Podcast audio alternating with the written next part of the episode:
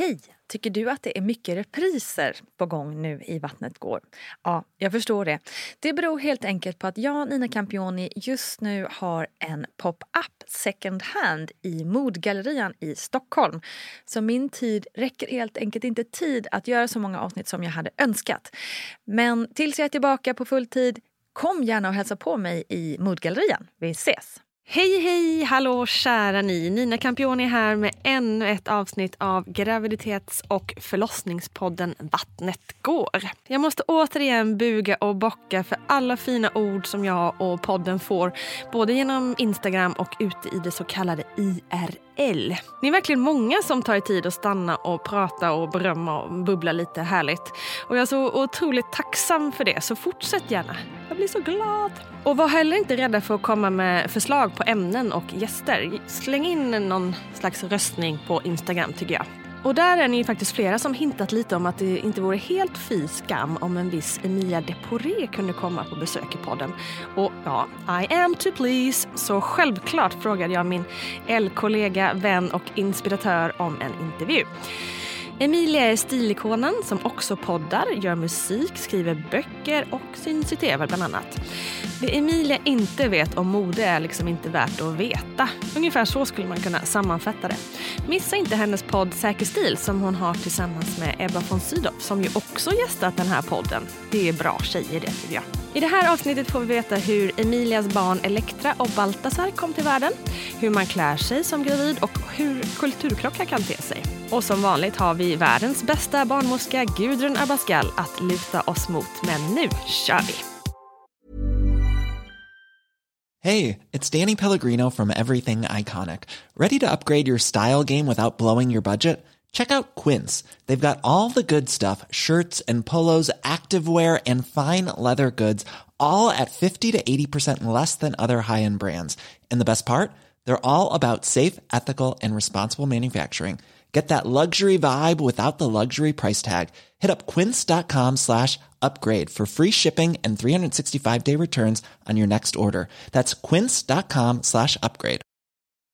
Here's a cool fact a crocodile can't stick out its tongue.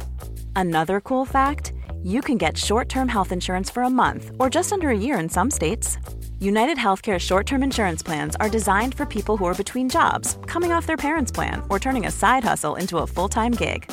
Underwritten by Golden Rule Insurance Company, they offer flexible, budget friendly coverage with access to a nationwide network of doctors and hospitals. Get more cool facts about United Healthcare short term plans at uh1.com.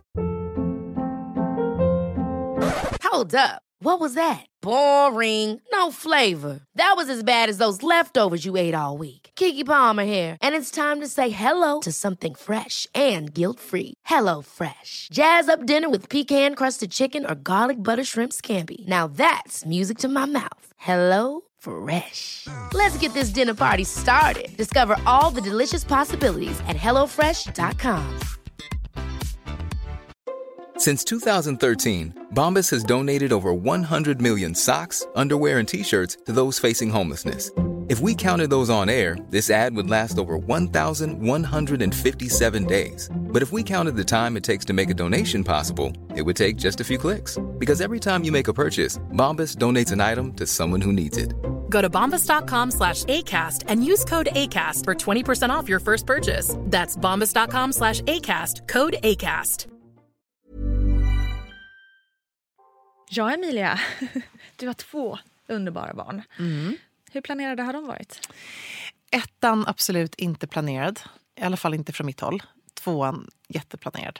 Vad då i alla fall inte från ditt håll? Nej, men det var Hade så att- Amiri någon egen plan? Ja, han hade en egen plan. Vi eh, gifte oss när jag var 27. Eh, och han hade nog gärna velat ha barn direkt. Men jag var helt uppe i min egen eh, musikkarriär. Och liksom att jobba med musik har också ett bäst före-datum. Jag jobbade med popmusik och var liksom sådär, någonstans sprang lite mot klockan. Liksom. Eh, ju äldre man blir som musikartist, desto hårdare är branschen. Och Om man inte Madonna. Nej, om man inte är Madonna Ja. precis. Som är liksom, eh, hon är bara ålderslös och ikonisk. Eh, nej men, och då var jag liksom, det började precis rulla på eh, efter det där och jag hade släppt nya plattor och internationellt liksom, så började det hända massor av roliga grejer. Så passerade jag 30 30 och Amalie bara, men nu måste vi skaffa barn. Liksom. Det, det är inte normalt. eh, och allting fanns ju där. Jag hade liksom mannen i mitt liv och liksom, det är klart att vi hade kunnat skaffa barn. Men jag var liksom, jag hade, I was on a roll. Jag kände bara att nu är det här som gäller. Så när jag var 34 så blev jag gravid för första gången. Eh, och då hade jag precis hamnat med ett amerikanskt bolag och var när jag fick reda på det här så var jag i LA och spelade in nya låtar. Jag bara kände att det var så grymt kul, allting som hände. Eh, så att jag fick panik. Jag fick panik över att jag var gravid.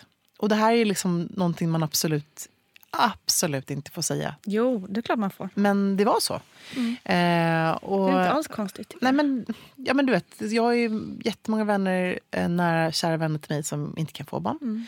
Jag vet hur svårt det är liksom, och hur, hur um, längtan efter ett barn kan vara så stark. Och det var inte det att jag inte längtade efter att få ett barn. Det var ju liksom någonstans min dröm. Jag vet så här, på typ andra gången som jag hade sex med så var jag så här, jag vill ha barn med dig. Vilket är helt crazy. Och sen tog det åtta år. Jag fick tjata länge. Ja. Men eh, eh, sen så, och då, jag minns så väl, vi sitter i en taxi till eh, flygplatsen ska flyga hem och Amri blev verkligen, liksom, han blev med all rätt så jävla förbannad på mig. Bara så här, hur kan du liksom, du har ett friskt barn i din mage, eh, och liksom, eller det visste vi inte inte då, men du har ett barn i din mage, du, du liksom, det, är vi, det här, vi vill ju ha familj, eller hur? Eh, och då insåg jag någonstans att det är klart att jag vill det. Jag var bara rädd för att liksom bryta ett mönster och att eh, allt det där man liksom älskade. Att det, jag trodde bara att det skulle ta slut. Att det skulle bli en annan efter barn. Men det är inte heller så konstigt för många gånger får man höra typ att livet inte är över men alltså att det ska förändras så otroligt mycket att man har noll kontroll och det är liksom bara barnet. Alltså det är inte så konstigt då om man är uppe i något jätte, jättespännande. Att man liksom blir lite så här shit. Ja, panikslagen. Men det sjuka är, vill jättegärna veta hur du också känner inför det. Men när jag väl som då fick Elektra eh, och hon fanns där. Efter barn så har jag blivit liksom en så mycket bättre människa. Och framför allt, alltså man blir en bättre människa stopp, punkt. Men sen så rent professionellt så kände jag att nu lär jag förvisso av musiken efter att jag fick Elektra. Eh, vilket ju i sig själv kanske är lite konstigt. Men jag fick en, en, eh, en ny karriär eh, som jag haft otroligt kul med. Och känner någonstans att jag har blivit nästan ännu mer fokuserad och bättre jobbmässigt. Hur tänker du kring det? Jo men man blir ju lite mer superwoman kanske på ett annat sätt. Enklare och kanske... Man måste så här hitta vad är det viktigaste här i just den här... Liksom, om, jag nu ska, om jag nu ska gå in i det här projektet till exempel. Vad är då... Vad är det vi vill uppnå? Alltså istället för, man, kan, man har inte tid att flumma runt Nej. och testa det här och det här och det här. Jag känner Fokus. verkligen att jag utvecklas något enormt sen jag blev mamma. Ja, men det är coolt. Men det är, jag tror att liksom en del eh, skriker av lycka när de blir gravida och andra inte. Och jag tillhör de som fick panik och, och trodde liksom att det här skulle förändra något, mitt liv så kolossalt. Vilket bara förändrades till det bättre. Men Istället. kan du sakna musiken? Och, och den, alltså, den där, du var ju på väg att bli amerikansk stjärna. Nej, men alltså, Det är Liksom. klart att Hur jag ibland tänker... Men när, när jag väl tog beslutet, och det var inte så här att jag var så här, gud jag kanske inte kan fortsätta. Varför jag slutade med musik var för att jag kände att jag, jag reste varje Mm. vecka någonstans. Och jag ville inte ha det livet med barn. Eh, nu turnerade jag fram tills jag var sju månader, alltså hon var sju månader, jag var sju månader gravid. Eh, och gjorde mitt stora sista så tv-framträdande i Spanien på så här, nyårsafton. Vet jag. Och så jobbade jag på modveckan i Sverige och så där, gjorde tv och grejer. Men eh, det, det sjuka när jag fick henne så var det väl kanske också lite av den här egoboosten som man har som artist. Att den, den försvann. Jag behövde inte den längre. Behöver var inte liksom- nära den där. Nej, jag kände att liksom, eh, jag fick någonting som var ännu viktigare i mitt liv. Jag fick ett barn och hon behövde mig och jag ville vara, att vi skulle vara en familj och vara tillsammans. Så det var väl någonting, jag, jag bestämde mig inte när hon liksom på BB att nu ska jag lägga ner musiken. Men det var mer så här, jag får ta en paus och mitt skivbolag fick liksom förstå att jag fick ett barn och var helt fine med det. Jag var så här, men sätt igång när du känner dig redo. Men det kom inga nya låtar. Och jag försökte, jag liksom satte mig i studion, men jag, det, jag var inte där. Och sen så tänkte jag så här, ah, men det får liksom vara så här. Jag höll på med det här sen jag var liksom 18. Eh, jag behöver ta den här pausen. Och sen så helt plötsligt så började massa andra saker rulla in och jag började jobba med mode istället.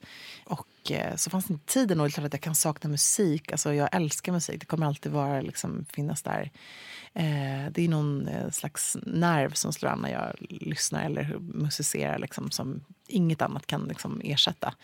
Men vi får se. Jag har inte stängt den dörren helt och hållet. Den, liksom, den kan komma Det är klart någonting. den kan. Ja, vi får se. Ja. på pensionsdagen. Ja, ja, precis. Det var liksom men, ha, men hur var det att stå på scen sju månaders gravid? Ja, men det var ju så roligt för att jag, jag jobbade med en spansk artist som heter Marta Sanchez. Och hon är Latinamerika och eh, Spaniens svar på Madonna. Mm. Eh, en liten, ett litet energiknippe. Många, jag, är ju liksom, jag kunde nog inte bli stjärna, världsstjärna för att jag är lite för lång. Tror jag, för att de flesta, men på riktigt, är så, så här, små. Ja, men det har B. Åkerlund sagt till mig, det är så roligt. Att alla är så små. Uh. Alltså Madonna, Britney, alla är liksom Kylie. Och de här. Ja, men de är jättesmå. Uh. Ja, Kylie har jag träffat. Liksom. Hon är ju så liten, hon når inte naven typ. um, det är konstigt. Ja, men det är så det är konstigt. Så. Men, eh, men eh, framförallt då Marta Sanchez är, liksom, hon är enormt stor eh, och vi gjorde en låt tillsammans, en duett. Som hon spelade in med mig här i Stockholm och sen så skulle jag då vara med i hennes stora så här, nyårsshow. Uh. Och jag bara shit vad ska jag på mig? Hon smsar liksom bilder på så här, skitsexiga Balmain-klänningar som hon ska på sig. Du vet. Jag bara kände så här, alltså det här är typ tortyr. Ska jag stå bredvid en liten miniatyrmänniska i Balmain-klänning? Vad fasen ska jag på mig? Eh, så det gick Mamma jeans från H&M. Ja, men precis. En liten härlig blommig tunika här. Eh, nej, men, så då blev det um, faktiskt så att jag... Eh, det gick jättebra och det var inga problem att sjunga när man är gravid. Man är lite mer flåsig, men mm. liksom, det funkar. Men kläderna var ju en issue. Men jag hittade en helt underbar, som du kanske någon gång... Jag, jag vet inte om du ens kommer ihåg den, men jag hade den på någon modevecka. Som är en, eh, en så här härlig galen fjäderväst. Eh, mm.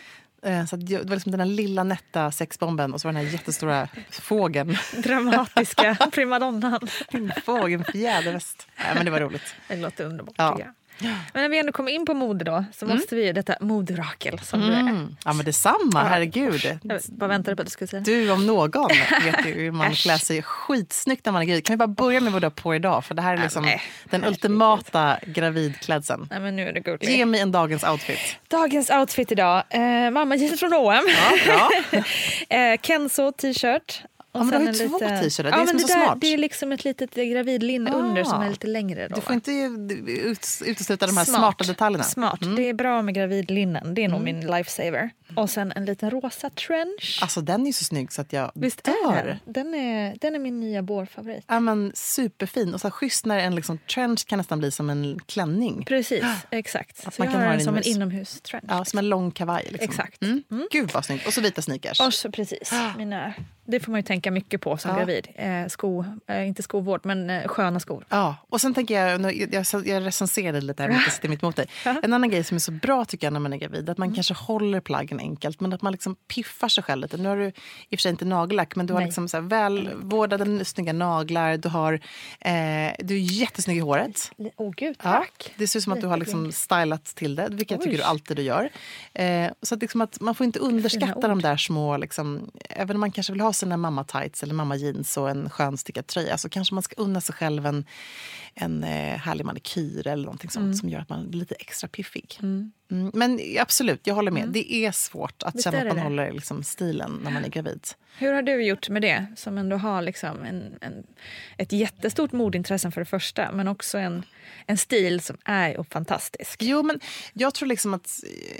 Ja, men där kanske jag måste också återkoppla till mitt eh, hjärtebarn, eh, Säker stil. Liksom att mm. Säker stil handlar ju väldigt mycket om att man har en bra bas. Eh, och så tänkte jag väldigt mycket när jag var gravid. Att det är inte tråkigt att ha en, en schysst bas att utgå från. Mm. För man har inte så mycket spelrum och man vill inte köpa massa nya dyra kläder. Så att köpa par få bra grejer helt enkelt som är liksom allt ifrån de perfekta mamma-jeansen till mm.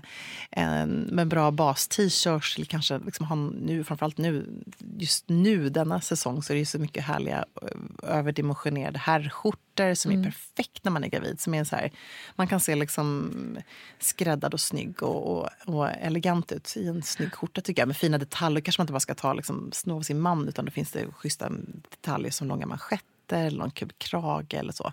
Eh, man behöver inte ha så mycket kläder. Det är väl det som framförallt är det viktiga. Utan hellre liksom satsa på få bra grejer som mm. man i så fall kör genom hela graviditeten mm. som man kan växa med. Liksom.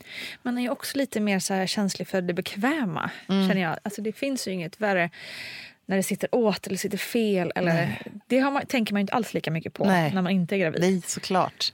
Liksom en resår i midjan kan ju verkligen göra ont. Ja, visst. Verkligen. Nej, men då är ju mamma jeansen jättebra. Jag Ja. tycker pyjamasbyxan är Ja, grym. Den är en. Eh, och det finns ju så otroligt mycket. Den kommer ju inte slutas göra, sluta göras. Nej, den den fortsätter den ju får finnas på kedjorna. Liksom. Och då kanske en del tycker så här, åh vad jobbigt när man har stor mage och så har man liksom även en större silhuett ner till. Men det beror ju helt på lite grann hur man, vad man trivs i. Liksom. Mm. Är man någon som gillar att kanske gå i lite mer breda byxor så tycker jag att det funkar kring graviditeten. Annars är ett enkelt knep liksom, för att få till formen att man har sin stora mage, att man inte bär för stort och bylsigt utan Mm. att man faktiskt kan låta den få synas. Eh, och vill man ha något lite större upp till som är skönt så kanske man har en smalare silhuett på ett par byxor eller Mm. ett par tights ner till. Det är ju smart. Kontrast lite. Liksom. Precis. Exakt. Men lite fördomsfullt nu då. Jag, jag minns inte exakt hur, själv, alltså hur, hur du var när du var gravid. Men det känns som att du inte gick upp så mycket. Nej, ja, men det, ja, fortsätt. Ja, Mm. jag tänker du är så smal och lång och snygg. Så, tänker jag eh, att då är det lite enklare kanske att klä sig också. Ja. Om man inte går upp, vissa går ju upp jättemycket. Ja. Alltså jag gick upp 25 kilo med Elektra. Du gjorde det ändå? Ja. Och så gick jag upp... Eh, Det lät ju som att det var... eh, Och jätte, det, jag gick också upp 20 Ja. och det är ju egentligen inte så mycket nej, det är inte så mycket. Nej. Eh, och sen gick jag upp kanske 17 med Baltasar, 16 eller 17. Så det var ju mycket mindre. Men, jag, ja, men nu är jag ju som sagt, det är ju ganska skönt då att man kan gå upp ganska mycket vikt när man är lång. För att det har någon slags magisk fördelning på kroppen. Precis. Så att, eh, det är klart att det, det kanske inte upplevdes så. Men jag gick upp ändå eh, mina 25 kilo. Eh, Det kanske till och med var 28 eller 30. I don't know. Om man slutar räkna efter slutar, 25. Ja. Nej, men och det är klart att liksom, ja, fast vet du vad, det är en grej som jag, med handen på hjärtat, det här är ingen bullshit för att en del ska vara så himla så här, åh jag älskar min kropp. Ja, och precis. Jag älskade inte min kropp efter jag hade fått barn, för den är inte rolig. Framförallt nu andra gången jag fick Baltasar så tyckte jag det var liksom svårare att få tillbaka min normala kropp igen. Det tog längre tid. Med Elektra var det liksom sex månader och jag var tillbaka utan att ens behöva anstränga mig. Men det var för att jag var yngre också. Och liksom, ja, men det kan ju vara så olika. Liksom. Eh, men jag gillade att vara gravid. Jag tyckte att det var skitsnyggt. Alltså jag vet till och med så här med eh, Elektra då, sista veckorna. Så sista, typ, nå- sista veckan till och med har jag tagit så här bilder på mig själv typ, som Marie har tagit, min man. Inte hos någon fotograf, inte hos Bingo.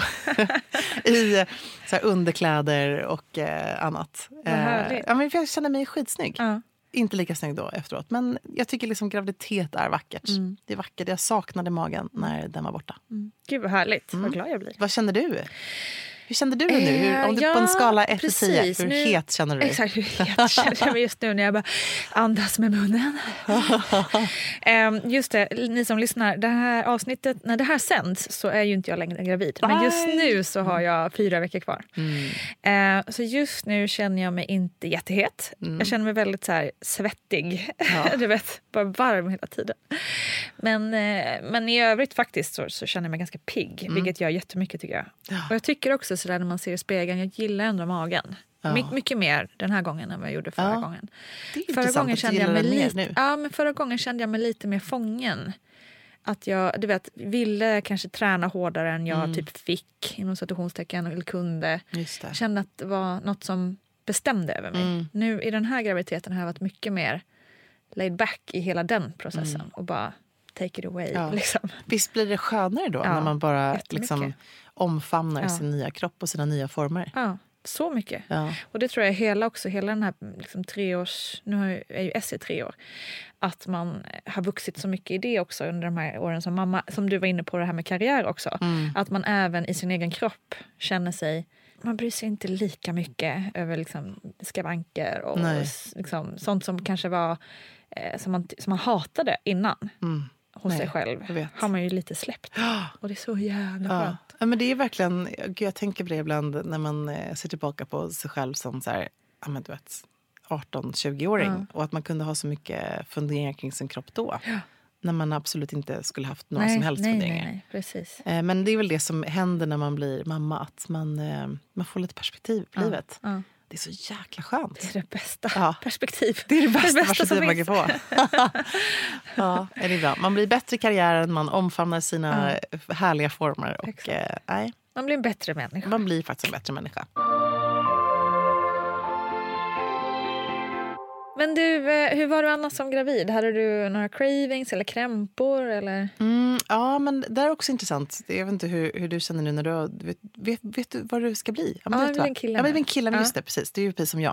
Eh, nej, men det här är ju sådär klyschigt då att man säger men med tjejer så gillar man det här och Ja. salt och socker. Och, jag kommer inte ens ihåg vad det var för någonting. Men med båda barnen älskade jag att äta citrus. Mm.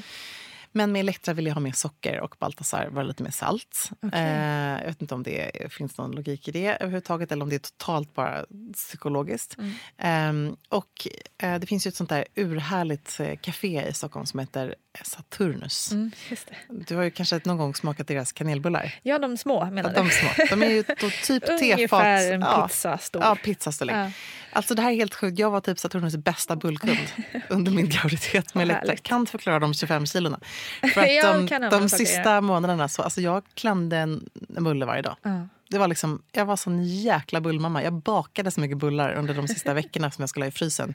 Det var liksom, jag blev bullfantast. Eh, så det var väl mina cravings. Mm. Eh, annars inga andra såna där. Jag, ja, en del vaknar ju liksom mitt i natten och vill ha typ korv med sån här gurkgrej på som min mamma ville ha. Men det hade jag inte. Jag ville inte alkohol och inga såna konstiga saker. Eh, men däremot så... Eh, och krämpor, nej men ganska okej ändå. Fick lite foglossningar och och så. Jag tyckte det gick rätt bra. Jag körde rätt mycket yoga med, eh, när jag väntade Baltasar och det var ju superbra. Yoga och pilates. Det hjälpte mig jättemycket, även faktiskt i förlossningen. Okej, ja. Eh, Med andning och sådär? då, Ja, precis. Och bara så här, kanske liksom att eh, det är det som är så kul. Det är så kul när man får föda barn andra gången. Att det är ju en helt annan upplevelse. Eh, första gången är ju liksom, man spänner sig, man vet inte vad man, eh, vad man ska få utsättas för. Andra gången så vet man att Mm. det kommer vara på ett speciellt sätt. Eh, och du var mer mentalt förberedd tror jag. ja, det hoppas jag på nu Mm. också. Du kommer ha en Det ska vara så. bra upplevelse. Ja, det är drömmen nu. Mm. Ja, Du får ha det som mål. precis. Bara Ja, men det, det gör ju som, alltså den här podden har ju varit min... Det är ju liksom lite terapi för mig. Mm, ja. Eh, och bara det här att liksom alla som har fött mer än ett barn Mm. är ju verk- säger verkligen det. Det, det är sån skillnad. Liksom. ja. Vad, vad, vad är, har du liksom, hur känner du inför förlossningen? då? Eh, just nu känner jag mig ganska så här... Jag hade en ganska tuff första förlossning. Den kan man lyssna på. Finns också här i Vattnet går-serien. Och har nu då fått lite så här Aurora-samtal. För jag har varit där ganska rädd. Och det har hjälpt jätte, jättemycket. faktiskt. Så det vill jag också rekommendera alla som lyssnar som känner minsta lilla rädsla egentligen. Att eh, det finns eh, samtal och hjälp att få. Ja, Bara precis. till sin barnmorska så fixar de det. Ja, det är jättebra. Och kanske också så här, som jag kan känna någonstans att eh, ingen av mina, liksom, och det här är inget, eh, jag är absolut inte bitter mot mina vänner, men man berättar inte riktigt hur Nej. vidrigt det faktiskt kan vara. Nej, Och allt som händer. precis. För det händer ju rätt mycket när man föder barn. Ja, Förutom att det gör ont. precis. Men så Man, är det det är rätt djuriskt. Exakt. Och sen är det också det här med smärta. Det går ju liksom inte att förklara. Nej. Och en smärta för någon, någon är något annat för någon annan och alla förlossningar är olika. Ja, precis. Så att, ja, det är jättesvårt. ja. Och precis som du säger, man vill kanske inte heller, speciellt kanske till någon som är gravid, så kanske man inte heller drar på sin värsta... Alltså, då kanske man inte berättar hela sanningen heller. Mm, nej, exakt. Nej, men det, Men det ska vi men, göra i den här tycker, men jag tycker man ska göra det. Ja, jag tycker man eh, eh, ska lyssna på sina kloka vänner omkring Ja. sig. Men det är bättre att vara förberedd Mm, på allt. mm, precis. Faktiskt. Mm. Men ska vi börja prata lite förlossning kanske? Jag tänker, hur, hur för, nu gick, sa du att du gick på yoga och pilates. Och lite Mm. så. Förbereder du dig på något annat sätt? Mm, ja, men första så, så läste man alla böcker och, och så där, fick råd av barnmorskan. Jag hade en väldigt en underbar barnmorska som heter Marianne som jag typ saknar att, hälsa på. det var lyxveckor att få gå till henne.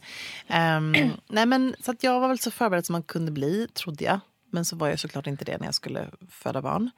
Och det var en jätte, jättejobbig förlossning. Jag hade nog lite samma upplevelse som du hade där. Det tog väldigt lång tid. Det var liksom, jag kände att jag skulle aldrig... Det, det gick inte liksom. Eh, Men där tror jag också att det är så här, rädslan för att göra ont. Jag trodde att jag skulle vara en väldigt smärthållig person, vilket visade sig att jag inte var. I alla fall i det läget. För att jag låste mig helt och hållet. Jag fick liksom... Ja, men jag fick en låsning av smärtan tror jag. Och känslan av att jag kan inte kontrollera min kropp. För det är också det som är grejen någonstans. Att man inte, mm, alltså kroppen gör ju sitt någonstans men du kan ju inte mentalt driva på förloppet. Utan Nej, absolut. kroppen måste få jobba i sin takt och det tog väldigt lång tid för mig. Jag kom in och var liksom, jag trodde typ att jag skulle föda barn och så, så här, chocken av att så här, du är två centimeter öppen. Liksom. Eh, och så var jag det typ i ett dygn och ingenting hände och man gjorde allt som liksom, de kunde. Hade du gått hemma och haft ont länge också? Innan? Ja, men det hade jag. Och det var det som var grejen. Och sen så gick det så nära mellan verkarna och sa men du kom in nu, nu måste du komma in. Liksom. Och jag var helt säker på att jag skulle föda inom, så här, som vissa då tjejkompisar hade gjort. Så här, inom, ja, det tog bara fyra timmar. precis. det tog bara 35 minuter som de hade gjort. Som hade Ja. bara ploppat ut. Men så var det inte. Och det var det liksom den första tror jag, chocken för mig. Mm. Man får liksom en liten, eller så här, självförtroendet får en liten knäck. Liksom. Jag vet, det är så jobbigt. Ehm, men sen så... Det sjuka är ju liksom att man, eh, man går igenom allt det där och sen så tror man att, man inte ska klara. Men så gör man det ändå. Det visar någonstans hur stark våra... Alltså kvinnokroppen är ju helt fantastisk. Eh, och såklart så klarar man inte sig utan dessa magiska barnmorskor och all personal som är på plats. Och dessutom så hade jag en sjukt bra man som var sånt jäkla bra stöd. Som Gjorde han något speciellt som du gjorde, Nej, men- känner att var extra? Liksom? Nej, men han är ju orädd. Liksom. Han tycker Ja. inte att eh, diverse kroppsvätskor och blod och annat är äckligt. Eh, så att, det, kunde, det, det visste jag för första innan att han är liksom väldigt cool med såna grejer. Han tittar på typ läkarprogram och tycker att det är underbart att se operationer. Så jag visste att han hade liksom ingen sån panik. Så jag kunde släppa det helt och hållet. Och sen så, eh, ja, men han är liksom bra på att, han är en bra, han skulle vara en bra typ coach. En bra så här, eh, om jag skulle vilja bli en simstjärna så skulle han kunna vara en bra coach. Men han, liksom, han, han ger en de rätta, jag känner jag i alla fall, verktygen. Han sa du kan klara det här, kom igen nu. Liksom. Så att, ja, men, och är väldigt naturlig som människa eh, i liksom allt det där. Ehm, så det var skönt. Det var jätteviktigt för mig att jag hade ett bra stöd i honom. Och sen så kände jag väl mer att så här, ah, man har liksom ingen koll på någonting första gången. Jag fick inte kläm på lustgasen, vilket var en Nej, det är jäkla miss. Fick du det? Ja, efter ett tag. Mm. Men, men där var det likadant att man eh, så här, hade hört innan lite hur man skulle göra. Men när man är där så bara, nej, alltså man fattar inte det. Mm. Nej. Att det skulle vara så svårt att andas. Liksom. Ja. Och där tipsar jag faktiskt eh, eh, kompisar just kring att så här, men liksom, ge er inte förrän ni får kläm på den där jäkla luftgasen. För den hjälpte mig så luft, lustgas menar jag. Eh, hjälpte mig så många gånger mycket under min andra förlossning. Så var det min livlinje. Jag hade, tror typ att jag nästan kunde klara mig på den. Nästan hela vägen. nästan. Nästan hela. Eh, för det är väldigt skönt när man får epidural. Ja, tog du det båda gångerna? Ja, Mm. gud. Alltså, jag är bara så här... Jag beundrar alla som går in och liksom inte tar någonting. Mm. Eh, min mamma har fött tre barn utan eh, epidural. Bara Galen lustgas. panna. Nej, men, och det, för det fa- hon hävdade att det är ju- fanns ja. inte. Liksom. Och sen så att det var så här... Jag, Nej, min inte, mamma också, hon har inte heller haft en sån. jag föddes i Luleå, det var liksom, fanns inte 1976 när jag Nej, föddes. Eh, och när min lillebrorsa föddes så var, hon, var det så snabbt så att hon hann inte få det. Och så där. så att, jag bara så här, gud, alltså en eloge till alla kvinnor som har klarat detta maraton av smärta utan en epidural. Ja, det är helt galet. Eh, nej men och sen så, ehm, ja, nej men alltså, så att, smärtlindring är underbart. Att få någon som pushar en, att ha sjukt bra barnmorska. Jag fick liksom en, med Elektra en barnmorska som verkligen kom in, så här, hon var min första i första passet. Sen så två dygn senare så kommer hon in och ser att jag fortfarande är där. Liksom. Och hon bara, "Nej, nu ska den här kvinnan föda sitt barn. Så hon kommer in, öppnar dörren och bara, ja, jag skulle egentligen inte varit här hos dig men nu är det så här att nu har du 30 minuter på att klämma ut den här ungen. Oj. Och då var jag ju liksom i koma typ av smärta och trötthet och eh, Gud. total utmattning. Eh, så då så fick jag precis den där rätta sporren som jag behövde. Så att, eh, Wow. det var så jävla bra. en sån här riktig liksom... eh, Någon riktigt som tog tag i tuffing. det. Ja. Så där är man Shit. också så olika. Det är också så här, jag vet inte hur du känner inför så här, momentet att så här, åh, tänk om man liksom får fel barnmorska, att man inte klickar och att man inte har liksom, kemi. Och, Ha- hade du någon sån upplevelse? Nej, jag hade väldigt tur. Eh, Det var egentligen inte förrän efter SJ hade kommit ut. Eller tur, jag tror att de, de allra flesta är fantastiska. Men som du säger, kemin kan ju liksom ställa till det. Och jag vet inte, jag tror inte jag hade varit så ärlig mot mig själv att jag hade skickat ut någon. Du Nej. vet, sådär, jag är, är ofta så här, nej, nej men det blir nog bra. Ja. så jag är lite för snäll, så här. jag skulle liksom inte våga. Nej. Det är ju jätteknäppt egentligen. För det är ju, det är ju liksom Hade din man ens- gjort det tror du? Ja, men det hade han nog om jag hade sagt till. Mm. Ehm, så det är väl det jag måste pusha honom. Pusha honom att göra det Men fall. han är italienare. Han måste... Ja, exakt. Men samtidigt är han ju också så här då, nej men det kan man väl inte göra, kan jag också tänka Ja, mig. Alltså, för Mm. Jag vet inte riktigt, i Italien tror jag inte man, man gör det på samma sätt. Nej, kanske man inte gör. Ehm, där är det ju liksom läkaren som bestämmer, Ja. om man säger. Men du, har hans killkompisar har de varit med under förlossningen? Alltså Ja. italienarna? Har Ah, nej, nu ska vi se. Jo, i- jo, men det är de ju, men sen får ju de åka hem. Mm, Eller eh, de åker oftast ut och festar. Nej, men, det, här är, det här är så kulturkrock. Det är så konstigt. Simone var helt, du vet när jag berättade att, att men vadå, du, ska, du, får ju stanna, du får stanna på BB med mig. Ja. Vadå, ska, vad, vad tror du att du ska? Bara, men, vad, men vadå? Eh, det får, man, får jag väl inte? Och jag bara, jo det är klart du ska. Ja. Jag bara, Jaha. Har, alltså, I Italien så brukar ju kompisarna komma och hämta pappan på Nej, men BB och så drar man ut på en stor festanatt. Och sen får pappan komma tillbaka bakis Lite bak. efter. Gud, vad, vad härligt. Man bara... Ew. Eller hur? Så jävla äckligt. Usch. Men sen var han ju, först tyckte han det var jättekonstigt och sen bara så himla tacksam Ja. över det här systemet som vi har. Och vad Man säger bara, hans kompisar när han berättar? Nej men de tycker nog, alltså det, det verkar ändå som att de flesta tycker att vi är lite smartare här uppe i Mm. Norden. Ja. Ehm, även om de kanske tycker att det är lite konstigt kanske. Ja. Men de skulle nog också gärna egentligen velat stanna. Mm, men jag kan också uppleva, för jag är min man är ju eh, fransman men född och uppvuxen i Schweiz.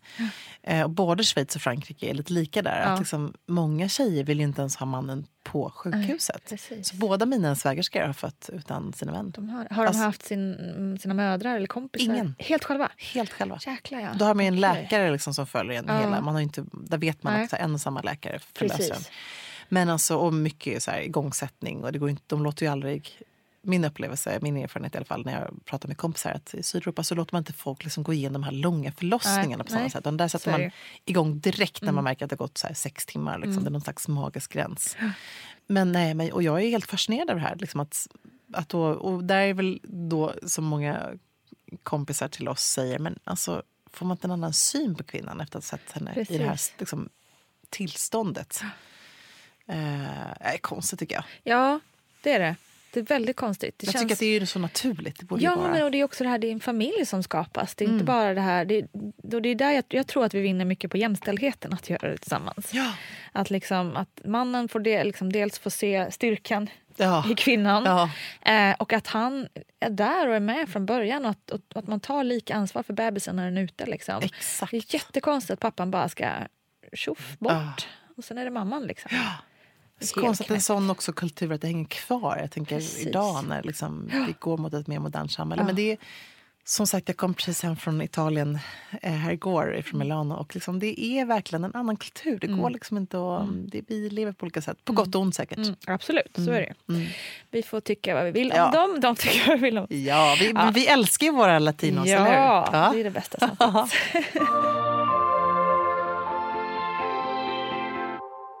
Du fick epidural där med Elektra och också till slut så var nu får vi fasen kräma på här. Mm. Men, men var du då, för du, jag förstår att du måste varit helt slut Mm. eftersom du varit där så länge och haft ont. Alltså jag var helt, jag var helt, alltså jag var helt färdig. Men det coola med allt det där... Eh, jag- minns i och för sig en grej som var himla härlig. var att Jag hade ju läst Gudrun Abascals eh, böcker och liksom var lite så här ett fan av henne. Tycker att hon är en jävligt cool kvinna. Nej, det. Och sen så var jag tvungen att bli sydd. Och vad som hände då, klassiker, är att en eh, eh, barnmorska eh, elev ska få sy mig. Och det här, är så här, det här säger jag till alla jag känner. Att liksom, låt inte någon som inte är liksom en jäkligt erfaren barnmorska få ta till nål och tråd. För att det här gick inte så Nej. bra då. Nej, oj. Nu, åh, nu blev det fel här i stygnen. Oj, oj, oj, nu får jag ta om här igen. Och då har man liksom legat där i sjukt många timmar och så vill man bara vara med sin lilla baby och sin man eh, och liksom få igång allt det där. Ja. Å andra sidan så det gör ju inte ont så att man skiter i Nej, det. man känner ju inget. Men apropå det här och, och, och säga ifrån. Mm, precis. Så det kan jag säga att det var ju något som stod i mitt förlossningsbrev eh, vid förlossning nummer två. Ingen rör mig, mina nedre regioner med nål och tråd om man inte kan sy. Kan jag precis. Jag bara, vad är Lars Wallin? Kom hit! Elisab! Vad är ni? Nej. Rockklapp. ja, nej, men, Men- Så jo, vad ska jag säga då? För vad som händer är att det här blir helt gå åt pipan. Ja. Och då hör jag plötsligt att det kommer liksom några klackar så där, som hörs i sjukhuskorridorerna på BB Stockholm som jag födde, eh, Elektra. Och då är det Gudrun Abascal. Så att hon kommer in och bara tar över kommandot och bara, nej men det här går inte. Nu får vi sy om och du sy. Och hon var liksom världens... Eh, Ja, hon har som pondus den så jäkla coolt. Ja. Och jag bara så här, Gudrun! Kom in som en... Liksom. En hägring. Ja, precis. En väldigt stilsäker kvinna. Ja, oerhört. Jag tror det var så kul just att det var så där, gud, var så bisarrt att träffa henne i det, det I det stadiet. läget, ja. När man bara känner att man hade velat möta henne i ett annat sammanhang. Precis. Kanske för Men det kanske ändå var rätt sammanhang. Ja, det var Med tanke på att du jättehärligt. behövde någon som sa ifrån. Det var jättebra. Men det är väl en sån grej, apropå att säga ifrån, precis som du säger. Absolut. Att, eh, faktiskt så här, vissa grejer tycker jag man kan dra gränser när man är en eh, eh, kvinna som föder barn. helt enkelt. Det är ju lite svårt när man är lite... Man är ju utsatt för det första. Mm. Man, man är kanske... Och du då som var helt slut och trött. Och liksom, man, man orkar ju inte heller. Så Nej. att det är ju så viktigt att man... Blev du sydd? Ja, fem stygn. Mm. Eh, men eh, som du säger, man kände ju inte det Nej. överhuvudtaget. Nej. Men fick du några, alltså, nu låter det som att det var någon som var inne och bara typ Ja, hackade. precis. men fick du några men av det här? Nej men det fick jag Efteråt? ju. Eh, jo men det fick jag för att jag blev felsydd. Ja. Så det var liksom, eh, det var lite mäckigt. Jag var så här, "Uff, jag känner inte riktigt igen mina nedre regioner. Det här Nej. sitter som det ska. Och sen så till och med min barnmorska här, men det där får du nog fixa till liksom, efter barn två. Eh, men sen helt sjukt nog så efter förlossningen, andra förlossningen så är det som att allting bara har gått tillbaka igen. Aha. Jättekonstigt. Men vadå, de ville att du skulle fixa till det efter barn Nej, två? det var liksom en, det var ju en mer liksom, eh, det var så roligt. Jag så här, vet att jag bara, det är så kul, för man, det här är en grej man inte heller får prata, inte ens med läkare om. Men barnmorskor förstår ju sånt här. Men vet, jag var, var hos en manlig eh, gynekolog ehm, bara för att göra någon annan typ av undersökning, ta typ någon sån här eh, prov eller någonting. Eh, jag hade inte herpes. Bra. Bra, nej jag skojar. Eh, sjukt dåligt skämt. Nej men då så... det känns som det var, lät som att jag skulle säga något sånt här konstigt. Eh, nej, men då um, så jag sa gud, jag känner att den här liksom, lilla flärpen som hänger här som är lite felsydd, det är ett ärr, Ja, ärrvävnad just kan ju bli så. Ja. Kan man göra någonting åt det? Ja. Och då var han så här, det är torr, liksom, manlig gynekolog som jag jobbat med väldigt, väldigt många år. Han bara, jag förstår inte, varför skulle jag göra det? Det är ingen som ser det. Jag bara, nej men, alltså Ja, ett men- så känner jag det. det är, så här, Precis, det är jag. som ser alltså, det? Vet, din så. kropp. Precis. Ehm, men, och då så sa han väldigt klok, min kloka barnmorska med, sa, men det här kan du fixa. Det här är superenkelt. Det här liksom fixar man till snabbt och lätt. Men nu var det inga problem. Och för att vara helt ärlig, jag hade nog inte heller liksom känt att jag, det var inget sånt stort problem så jag skulle så här, gjort en En skönhetsoperation. operation, Lagt under kniven. Ett skönhetslyft Ja, verkligen. Uh. Det kan hända en hel del härliga saker då kanske. Nej, men, så det, det löser sig för mig. Men det är också Skönt. det är typ en sån grej som man känner är så här jobbig när man har gått igenom så mycket annat. Och man ska egentligen bara vilja fokusera på sin bebis och Mm. på amning och allting som kommer efteråt. Liksom. Så vill man ju någonstans... Alltså man är ju så stolt. Liksom stolthet i ens kropp och i ens kön. Mm. Eh, det är helt sjukt. Man liksom lär ju känna sitt kön efter man har fått barn. Verkligen. Eh, jag satt Det inte sant. direkt och studerade det innan. Liksom, Nej, det kanske man båda fakt- gjort och för sig. Ja, men det där är lite intressant. Alltså, Gör du det? nej. Där gick det. Säg godnatt. Precis. Nej, men det är ganska intressant det där att man... Alltså, jag hade inte kollat mig själv med spegel där nere Nej. förrän efter jag födde barn och var 36 Ja. år. Men jag tror inte du är 56. ensam. Och det är ju helt vansinnigt Ja. egentligen. Att man inte ens känner till sin kropp. Ja, det är ju alltså egentligen, om det är någonstans man borde kolla på sig själv så är det där. Ja, eller hur? Så Helt knäppt. sjukt. Varför är det så tror du? Jag tror det, det finns nog många svar på det. Både liksom kanske någon konstig skamkänsla Mm. för att det är någon slags, alltså så förknippat med sex. Och det ska, Ja, man- du vet, sådär. Eller också att man, jag, kan- jag kan nog tänka att jag kanske tyckte att det var lite läskigt. Ja, ja du vet, såhär, man trodde att den var ful. ja. Såna där grejer. Ja. Nej, men det är väl ett tips då till alla tjejer där ute. Verkligen. Ta en spegel. Och alla, som, alla mammor som har döttrar som Mm, kanske kommer upp i precis. åldrarna. Alltså att man kan prata om sånt också. Ja, att det är naturligt. Ja. Ja, För det är lite lättare för en kille som sagt. Den hänger ju där. Den är mycket Ja. enklare att se. Och jag tror de studerar De, verkligen. de Alltså- tror jag studerar för mycket Ja, sidan. ja, precis. Det är analys. en, analys en daglig analys. Precis. Nej, men det, är så, det är konstigt, men det är liksom... Man lär känna kroppen på... Man får en helt annan såklart syn på sin... Men även så bröst och allting får man en helt annan... Jag tyckte nog att det var jobbigt. Så här, alla som säger att oh, man måste undersöka brösten och för att se om man får liksom knölar Ja, och så vidare, förändringar. Men det tyckte jag också var lite jobbigt innan jag fick barn. Medan nu känner man så att nu har man haft liksom två barn som man har ammat. Så blir det också mycket mer naturligt någonstans. Ja, Ehm, man, man blir mer fri tror jag. det tror jag också faktiskt. Ever catch yourself eating the same flavorless dinner three days in a row? Dreaming of something better? Well, HelloFresh is your guilt-free dream come true, baby. It's me, Kiki Palmer. Let's wake up those taste buds with hot, juicy pecan-crusted chicken or garlic butter shrimp scampi. Mm. Hello Fresh. Stop dreaming of all the delicious possibilities and dig in at HelloFresh.com. Let's get this dinner party started. I'm Sandra, and I'm just the professional your small business was looking for. But you didn't hire me because you didn't use LinkedIn jobs. LinkedIn has professionals you can't find anywhere else, including those who aren't actively looking for a new job but might be open to the perfect role, like me. In a given month, over 70% of LinkedIn users don't visit other leading job sites. So if you're not looking on LinkedIn, you'll miss out on great candidates like Sandra. Start hiring professionals like a professional. Post your free job on linkedin.com/achieve slash achieve today. Life is full of what ifs. Some awesome, like what if AI could fold your laundry? And some, well, less awesome, like what if you have unexpected medical costs? United Healthcare can help get you covered with Health Protector Guard fixed indemnity insurance plans. They supplement your primary plan to help you manage out of pocket costs. No deductibles, no enrollment periods, and especially no more what ifs. Visit uh1.com to find the Health Protector Guard plan for you. Hey, it's Ryan Reynolds, and I'm here with Keith, co star of my upcoming film, If, only in theaters, May 17th. Do you want to tell people the big news?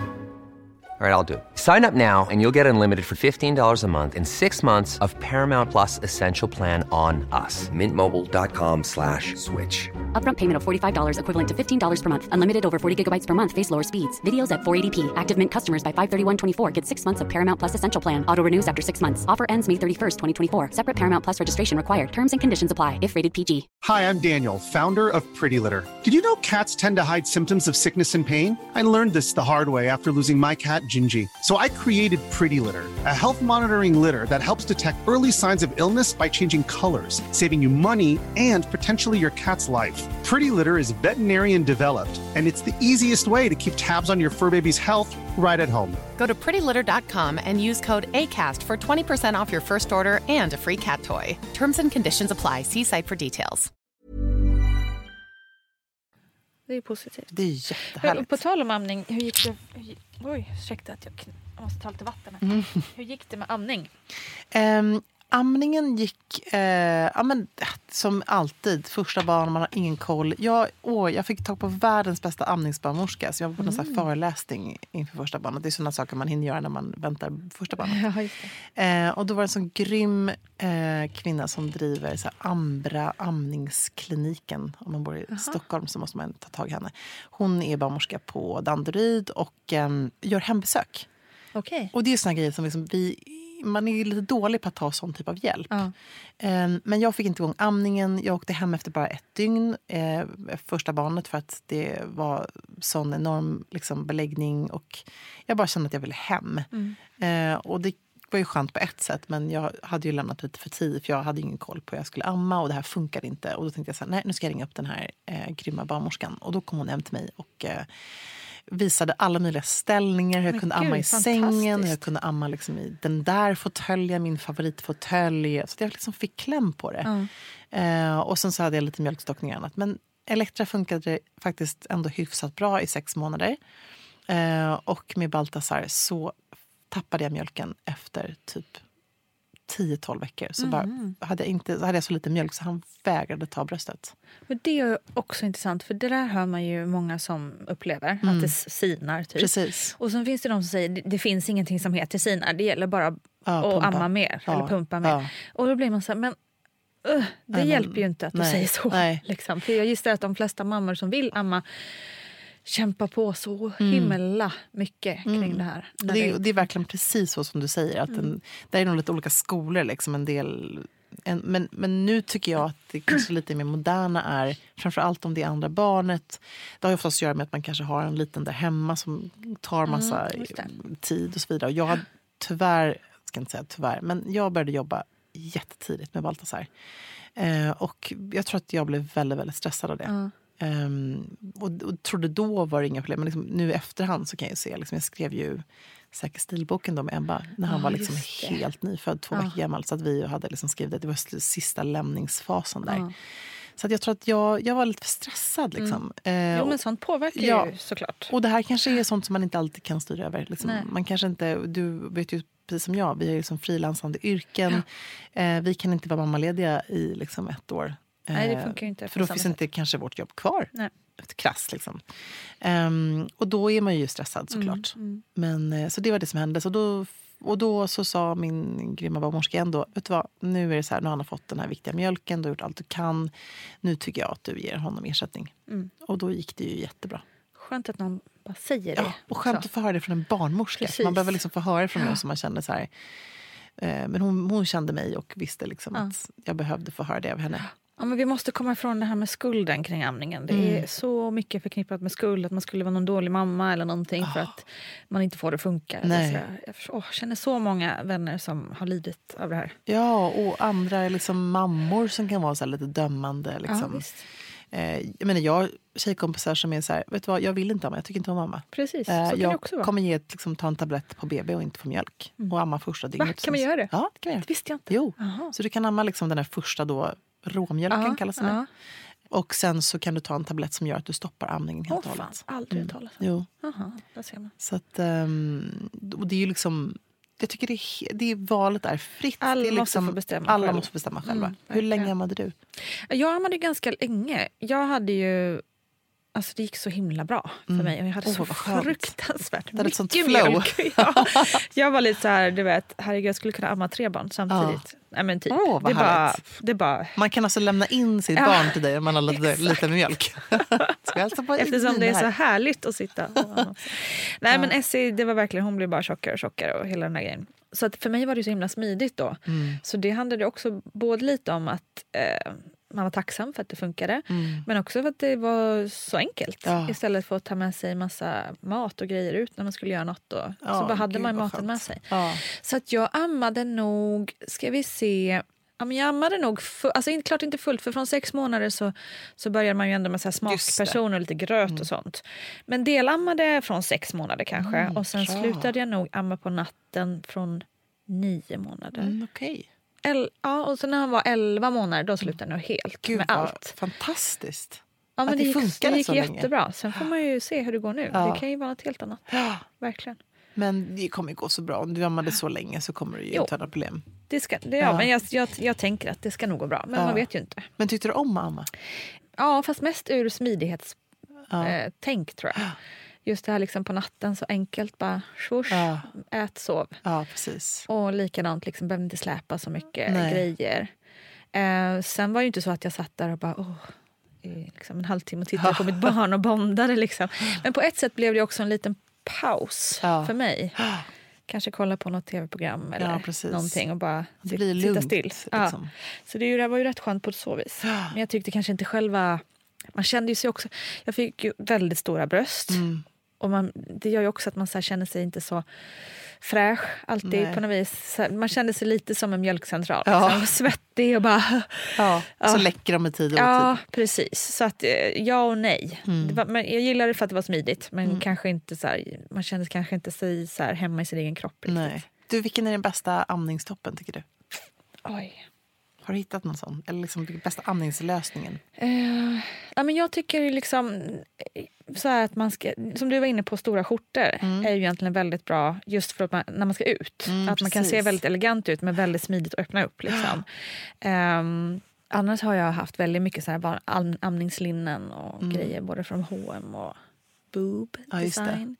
Ehm, och det funkar ju toppen. Men just kanske att man inte vill, för oftast kan jag känna att man inte vill när man ska gå ut så vill man kanske inte se ut som en ammande kvinna utan Nej. man se ut som sig själv Ja, bara, ja. liksom, i, i sina egna kläder. Eh, och då tycker jag liksom skjortor och, och den typen av, Mm. av toppar är ganska smidiga Ja, precis. och funkar ju bra. Jag tycker det som jag tyckte var lite mycket var att skjorta är bra, håller jag med för då kan man liksom ändå, men man vill inte sitta där och visa magen. Nej, man vill precis. dra upp en tröja Exakt. och Nej, så det har man, liksom, eh, har man en härlig Sitter man med hela bullmage. en ölmage som syns, för den ser ut lite så Ja. i början. Ehm, ja, men det, är, det är knepigt det där. Men Ja. det är ja, precis det du säger någonstans, att man vill ju känna sig som sig själv. Exakt. Det är ju lite viktigt. Ja. Men någon som tippar, tip, tipsade om så här, tubtoppar. Det är Ja, också ganska det är också bra. Upp. Precis. Bara upp, upp och ner. Ja. Ja. Men då kan man kanske ha en sån tänker jag, under skjortan, liksom, som en Precis. extra topp. Exakt. Man kanske inte behöver gå runt med en, tub, en tubtopp. Midjekort tubtopp. Ja. Det hade varit något. Sporty Spice. ja, verkligen. Vi har pratat mycket om rädslor eh, under graviditet och inför förlossning och så vidare. Men det finns också väldigt mycket rädslor och nojor som kommer när man har blivit förälder. Eh, vad tycker du, märker du att många föräldrar är rädda för? Först och främst så vill jag skilja på oro och rädsla. För jag tycker att man ska oroa sig för sina barn. Sen om den här oron blir så stark så att den övergår till en rädsla, då behöver man ju hjälp med den. Så tänker jag. Nu, nu träffar ju jag föräldrarna så kort tid efter eh, att barnet är fött så att eh, jag kan bara svara för den delen. Och då är det här med maten naturligtvis som är en stora, stora issue i, i familjen så att säga. Och eh, där, alltså, att det är svårt att vi, för föräldrarna att veta hur mycket mat får, får barnet i sig och gör jag rätt och ligger barnet rätt? Att det är mycket oro kring, kring mat, matfrågan, tycker jag. Och sen naven, det är också en här stor grej i livet då, som vi bara tycker ler lite grann åt och som inte är. Men, men annars är det ju att att eh, det viktiga är att hur får jag så att mitt barn får den mat som, som barnet behöver. Och sen finns det säkert oro för man, det här med att hålla i nacken och liksom se som man är jätterädd för och så vidare. Att de är så ömtåliga tycker jag när man ser föräldrarna ta i barnet först och så vet man var, var barnet kommer ifrån, var det har utsatts under själva eh, förlossningen. Men, men det är väl också det här att man ser hur man försiktigt man håller i sitt barn och så vidare. Att man behöver inte vara så rädd, man kan ta ett stadigt tag. Och det här med nacken, det är klart att det är obehagligt för barnet att inte ha, för de kan ju inte stötta. Så att det är väl mer, mer sådana såna saker. Vad ska man göra då om man märker att de här kanske mer vanliga oroliga sakerna går över till något större? Ja, och det- tycker jag är jätteviktigt att man tar det på allvar. Att är det så att oron går över till en större rädsla så behöver man ju ge, få hjälp med det. Och då är, är det ju barnavårdscentralen och barnsjuksköterskan där, tycker jag. Eller om man har någon annan i bekantskapskretsen som man har förtroende för eller litar på som har barn sedan tidigare och så, där man kan få, få hjälp.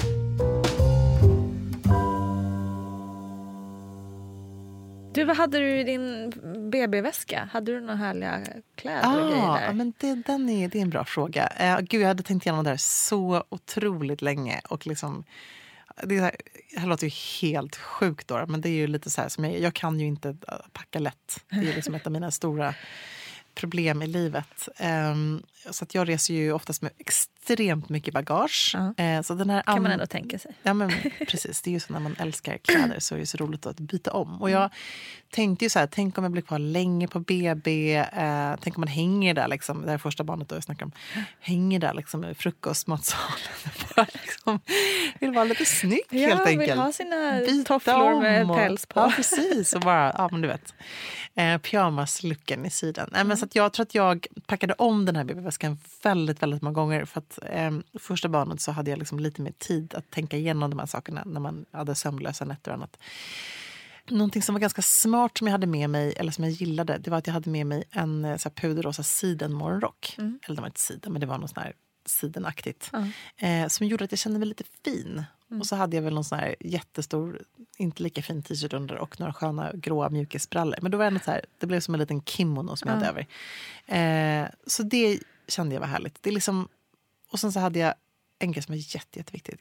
Alltså typ det viktigaste i BB-väskan är att köpa de största trosorna man kan hitta i Ja. hela världen. Det är bra. viktigt. Det är Stora. Mm. härliga bomullstrosor. Inga stringtrosor såklart. Nej, och inga härliga lyxiga spetsunderkläder. Alltså jag, jag beundrar verkligen Comfy de is som key. gör det. Men det var liksom stora Nej, härliga Då tänker jag mormorstrosor. bara idiot. Ja. Förlåt. Mormorstrosor. Ja. Ja. men det är gud. Och sen så sköna tofflor såklart. Så, men, men sen så är det ju lika viktigt vad man packar till bebisen tycker jag. Mm. Där vill man ju ha liksom några gulliga små bodys. Och det, de, det händer rätt mycket så där tycker jag det är bättre att packa lite mer. Ja. ja, men absolut. Där kan man ju behöva lite hade, ombyte ja, på ett annat sätt. Men jag hade faktiskt bara en väska med mig till BB. Ja, men det var ju snyggt. det var bra tycker jag. Men eh, Baltasar då, hur började, hur började den förlossningen? Mm. Ja, men där så var det ju, där kände jag mig så mentalt förberedd på att föda barn. Så där satte det igång på eftermiddagen. Eh, jag vet att jag liksom lagade mat, var hemma med eh, Elektra som då var tre och ett halvt. Eh, liksom satt på min pilatesboll, gick ut och liksom kämpade. Satte på, satt och kollade på Downton Abbey, sista avsnittet. Eh, gjorde allt för att fördriva tiden. Liksom. Och då så var min mamma hemma, eh, var med Elektra för att jag ville inte att hon skulle se mig liksom, gå igenom verkarbetet i och med att hon var vaken. Eh, så vid någon tidpunkt så gick jag in i köket och bara det, så här, typ, svalde ett skrik. Liksom. Ja. För det är ju sån här urvråls... Liksom, eh, vad ska man säga? Eh, u- grottvrål. Ja, ja precis. Man vill inte riktigt utsätta sin tre och ett halvt-åring för Nej, det. det Eh, kan ju skrämma ganska. Ja, precis. Men det gick jäkligt fort. Liksom, så att verkarbetet drog igång snabbt. Tog en varm dusch. Liksom, försökte fixa lite det sista. Försökte fördriva tiden helt enkelt, liksom, bäst jag kunde. Och sen så stack vi in till BB Sofia som ju inte finns längre. Nej. Som var helt fantastiskt. Eh, och eh, då gick det ju så bra. Det var en sån seger. För att det var liksom Åh, bara härligt. in där. Då fanns det en sån här massa nya härliga redskap. Jag hängde i någon sån här lian. Ja, det? precis. Ja, men jag var ju också på BB. Ja, du var också där. ja. Den där lianen var helt Ja. grym. Då ska man liksom hänga den och man skrika ut när man liksom gick ner i lianen. Ja. Det var så Så bra. smarta grejer. Ja. Skitsmart. Och sen så var jag bara så här, nu är det så här, jag vill få kläm på lustgasen, kan Mm. någon hjälpa mig? Och den var ju underbar då. Eh, och sen så var han ute på mm, fem timmar. Oh, wow, det var lite skillnad. Där. Ah, sån skillnad. Men hur, öpp, hur öppen var du när du kom in? då? Gjort- Nu kommer jag inte ihåg det. Jag tror att jag var sex centimeter när jag kom Oj, in. oj, oj. Ja. Ja. Så där gick det fort. Liksom. Eh, och då var jag verkligen så här, gud, jag är en sån människa som tar sjukt lång tid att föda barn. Alltså beräkna att liksom, vara beredda på att jag är inte här ute först om två dagar. Typ. Jag var ju så liksom. precis. Men då så hade jag också sådär, alltså man, gud, de här barnmorskorna, alltså, fy fasen vad bra de är. Mm. De, är ju, alltså, de ska alla ha guldmedaljer för att de är ju helt fantastiska. Men då hade jag också en sån här lugn och skön barnmorska som bara, vet du vad, det här fixar du. Nu kommer det gå mycket fort. Hon gav mig alla rätta liksom, verktyg till att mentalt liksom, ta mig igenom det här. Så att, eh, det gick ju superbra. Eh, och sen så var han ute på ett litet kick och så var det så mysigt att få en liten kille. Mm. Och hur var det skillnaden? Liksom? Ja, men det är ju liksom... Det ska jag också säga. Med Elektra så var det någonstans så att jag liksom... Första gången så har man inte... Eller jag kunde inte göra det. Jag kunde inte relatera till den här lilla människan som fanns i mitt liv. Eh, så på ena sidan så... På ett sätt så kan man ju tycka att första gången så liksom blir allting så nytt och spännande. Men andra gången så är det inte lika nytt och spännande och inte lika magiskt på ett sätt. Men samtidigt så visste jag vad moderskapet var. Ja. Men det där känner jag också igen. Alltså jag med Essie var inte heller... Det var bara... Huh? Alltså vad är det här? Vad är det för någonting? Mm. Man, det tog sån tid att bara fatta att, att det var mitt barn och Ja. liksom, vad betyder det här? Och, ja, allt. Det var liksom inte den här instant love superlyckan. Du kände inte det? Nej, inte alls. Nej, när Men- kom den då?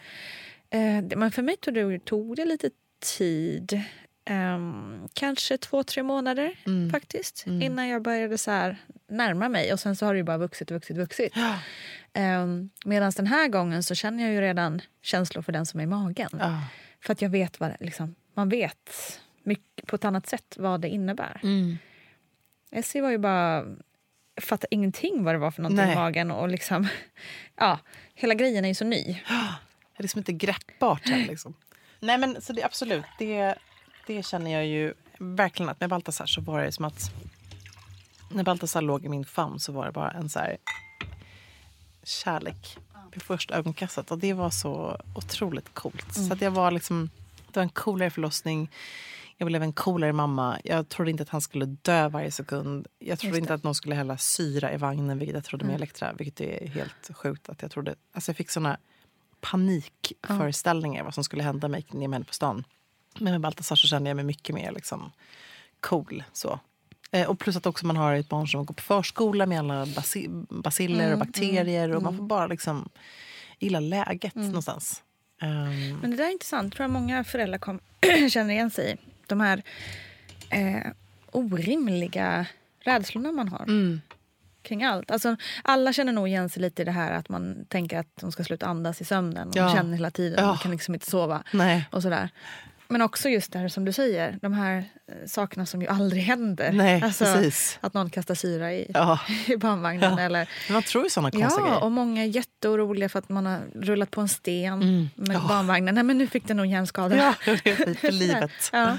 Ja, gud alltså. Det är nej. intressant. Det är så skönt att man, att man vet. Och man vet att, liksom, eh, att man kan sätta på en body utan att man tror att barnet ska Precis. kvävas. Ja, body är ju många som... Ja, Gud, jag vågade inte ha så. Jag ville bara ha omlottbody liksom, Ja. med Elektra med Baltasar. Så Ja. jag till och med så när man drar i huvudet. Och jag bara, Uff, man blir lite mer som barnmorskan när de ska väga och de liksom håller typ Ja. i en arm. Man bara, nej, mitt barn.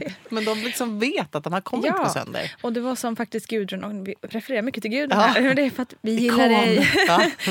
Ehm, nej men hon sa också det att det man måste tänka på är att det här barnet har åkt igenom hela kanalen. Liksom. Hela, he, hela hens huvud har liksom deformerats genom hela liksom, ens bäcken. Ja. Och varit igenom den här jättekrävande förlossningen som det är för ett barn.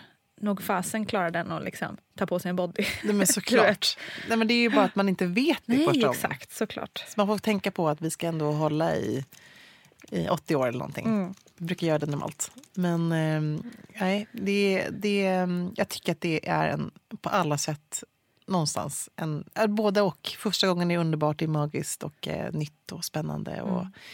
Man kan sätta ord på vad det är man känner. Andra gånger så vet man vad som väntar men samtidigt så är man bara lite lugnare och lite coolare. Mm. faktiskt. Det är rätt skönt. För en Mm. själv främst. Kanske. Ja, verkligen. verkligen.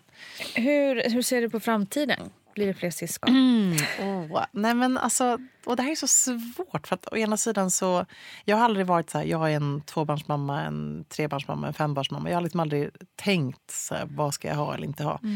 Men jag känner någonstans att jag är så himla nöjd med dem jag har. Mm. Eh, två underbara friska barn som är så fantastiska på alla sätt och vis. Och jag känner att, alltså det är klart att det jag älskar som sagt tanken av att få vara gravid igen, i och med att jag gillar det. Tycker att föda barn är jävligt häftigt. Till och med, jag tyckte till och med att Elektras förlossning efteråt var häftig. Det kanske är någon slags, jag vet inte varför det blir så att man inte kommer ihåg det jobbiga Det utan man minns bara det coola. Försvarsmekanism. Precis, det är säkert en försvarsmekanism. Så att jag känner så här, gud ska inte jag få göra det här igen? Mm. Eh, jag kom precis, jag hade spelat in podden med Ebba och eh, hållit hennes lilla Mm. baby. ehm, och eh, känt liksom som bara några veckor gammal. Och det är ju någonting magiskt med de här liksom små mini, mini liksom människorna. Det är ju helt fantastiskt. Men jag känner att nej, det är bra nu. Det blir Mm. inga fler barn. Även om Elektra tjatar sig blå på att ska få ett lilla syskon. Eller en kanin. Eller en kanin. Ja, jag bara, det blir en kanin. Kanske lite enklare Ja. en kanin då. Men och sen så klart tror jag så här, som kvinna känner man så här, men gud. eh, Hon frågade mig faktiskt på bussen för inte så länge sedan, väldigt högt så att alla hörde.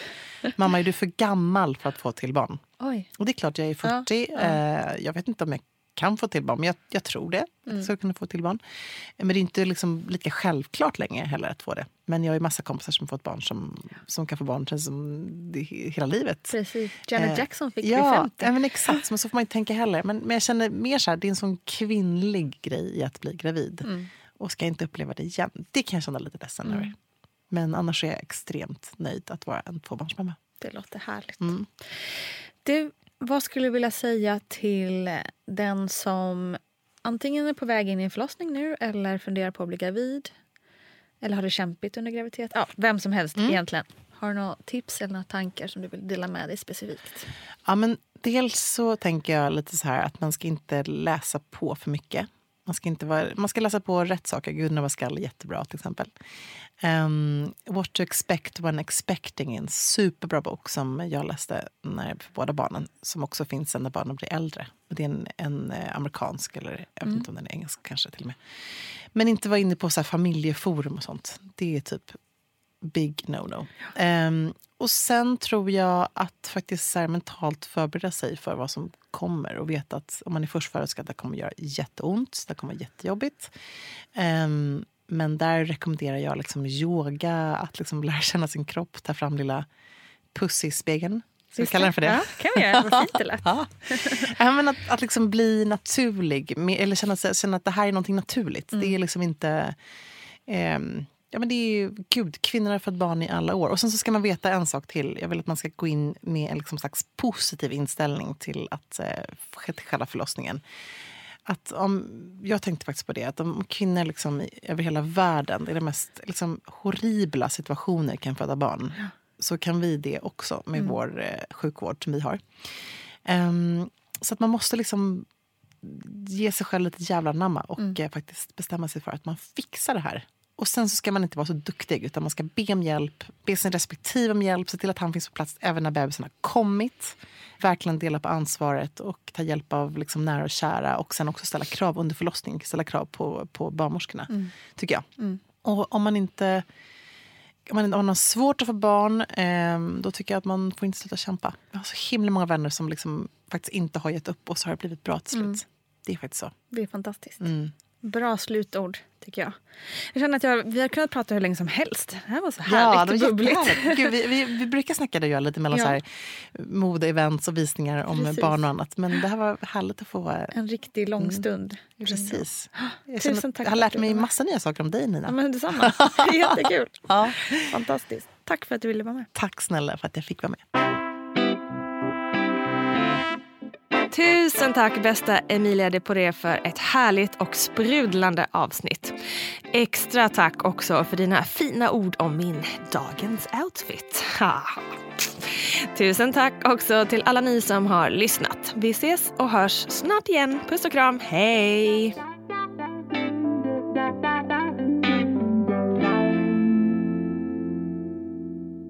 Producerat av Perfect Day Media.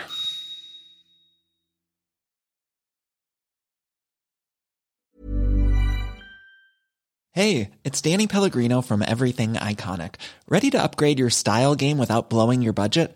Check out Quince. They've got all the good stuff shirts and polos, activewear, and fine leather goods, all at 50 to 80% less than other high end brands. And the best part? They're all about safe, ethical, and responsible manufacturing. Get that luxury vibe without the luxury price tag. Hit up quince.com slash upgrade for free shipping and 365 day returns on your next order. That's quince.com slash upgrade. Ever catch yourself eating the same flavorless dinner three days in a row? Dreaming of something better? Well, HelloFresh is your guilt-free dream come true, baby. It's me, Kiki Palmer. Let's wake up those taste buds with hot, juicy pecan-crusted chicken or garlic butter shrimp scampi. Mm. Hello Fresh. Stop dreaming of all the delicious possibilities and dig in at HelloFresh.com. Let's get this dinner party started. Hi, I'm Daniel, founder of Pretty Litter. Cats and cat owners deserve better than any old fashioned litter. That's why I teamed up with scientists and veterinarians to create Pretty Litter. Its innovative crystal formula has superior odor control and weighs up to 80% less than clay litter. Pretty Litter even monitors health by changing colors to help detect early signs of potential illness. It's the world's smartest kitty litter. Go to prettylitter.com and use code ACAST for 20% off your first order and a free cat toy. Terms and conditions apply. See site for details. Imagine the softest sheets you've ever felt. Now imagine them getting even softer over time. That's what you'll feel with Bowl and Branch's organic cotton sheets. In a recent customer survey, 96% replied that Bowl and Branch sheets get softer with every wash. Start getting your best night's sleep in these sheets that get softer and softer for years to come. Try their sheets with a 30-night guarantee. Plus, get 15% off your first order at bowlandbranch.com. Code BUTTERY. Exclusions apply. See site for details.